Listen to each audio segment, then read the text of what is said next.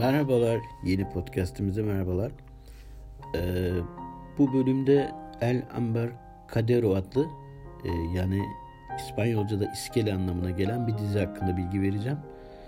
Ee, öncelikle büyük bir yanlış anlaşılma var medyada. Maalesef medyamız e, ne yani çeviri hatası mı yapıyorlar, ne yapıyorlar ya da işlerine öyle mi geliyor bilmiyorum.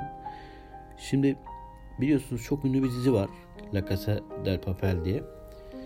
E, o dizinin başrolünü oynayan El Profesör isimli Alvaro Morte. E, bu yeni İskele dizisinde de sadece konu oyuncu olarak yer alacak. Yani belki de birinci bölümün 10 dakikasında en fazla görünce. Daha sonraki bölümlerde de flashback yapacaklar muhtemelen. Ama medyaya bakarsanız işte Le Casa del Papel gecikecek.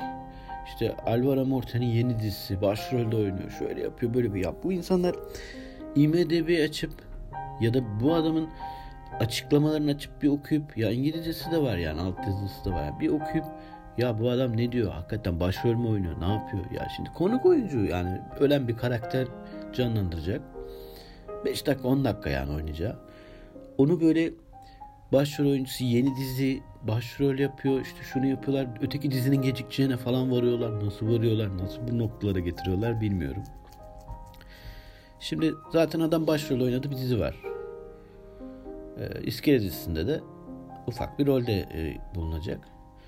Ee, dizi Türkiye'de de Blue TV'de yayınlanacakmış. Yani bu bu da yani henüz belli değil. Hani böyle bir, bir şey yazmışlar ama hani Blue TV'nin ne bir açıklaması var ne bir şey var. Böyle bir iddia var ortada yani. Ben sanmıyorum ama bilmiyorum Blue TV çok para vermesi lazım bu diziyi yayınlayabilmesi için. Şimdi dizinin konusuna gidersek e, bizim Profesör Oscar adlı bir adam ama e, sözde intihar etmiş bir adam. İşte cinayet mi oldu vesaire. Bir bakıyor ki karısı bu adamın aslında başka bir karısı daha var. İkinci bir yaşamı var. Kadın diyor bu işi çözeceğim. Gidiyor 15 yıldır başka bir kadın varmış ortada. Başka bir hayat, fotoğraflar, videolar.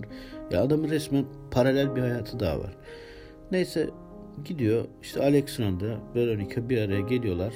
Olayları çözüyorlar. Fragmandan anlaşıldığı kadarıyla. Ee, oturup değerlendirecekler durumu. Ondan sonra çözmeye çalışacaklar beraber. Yani aslında başrolde o iki kadın bulunuyor. Ee, Le Casa del Papel'de gardiyanlardan birisi var polis memuru gibi yine. Visavis'ten isimler var. Yani aynı ekibi biraz kullanmışlar. İki kadın işte baş başa verip gizemi çözmeye çalışacaklar. Bakalım bu sözde intihar mı, cinayet mi artık ne olduğu, bunun altında neler çıkacağını göreceğiz.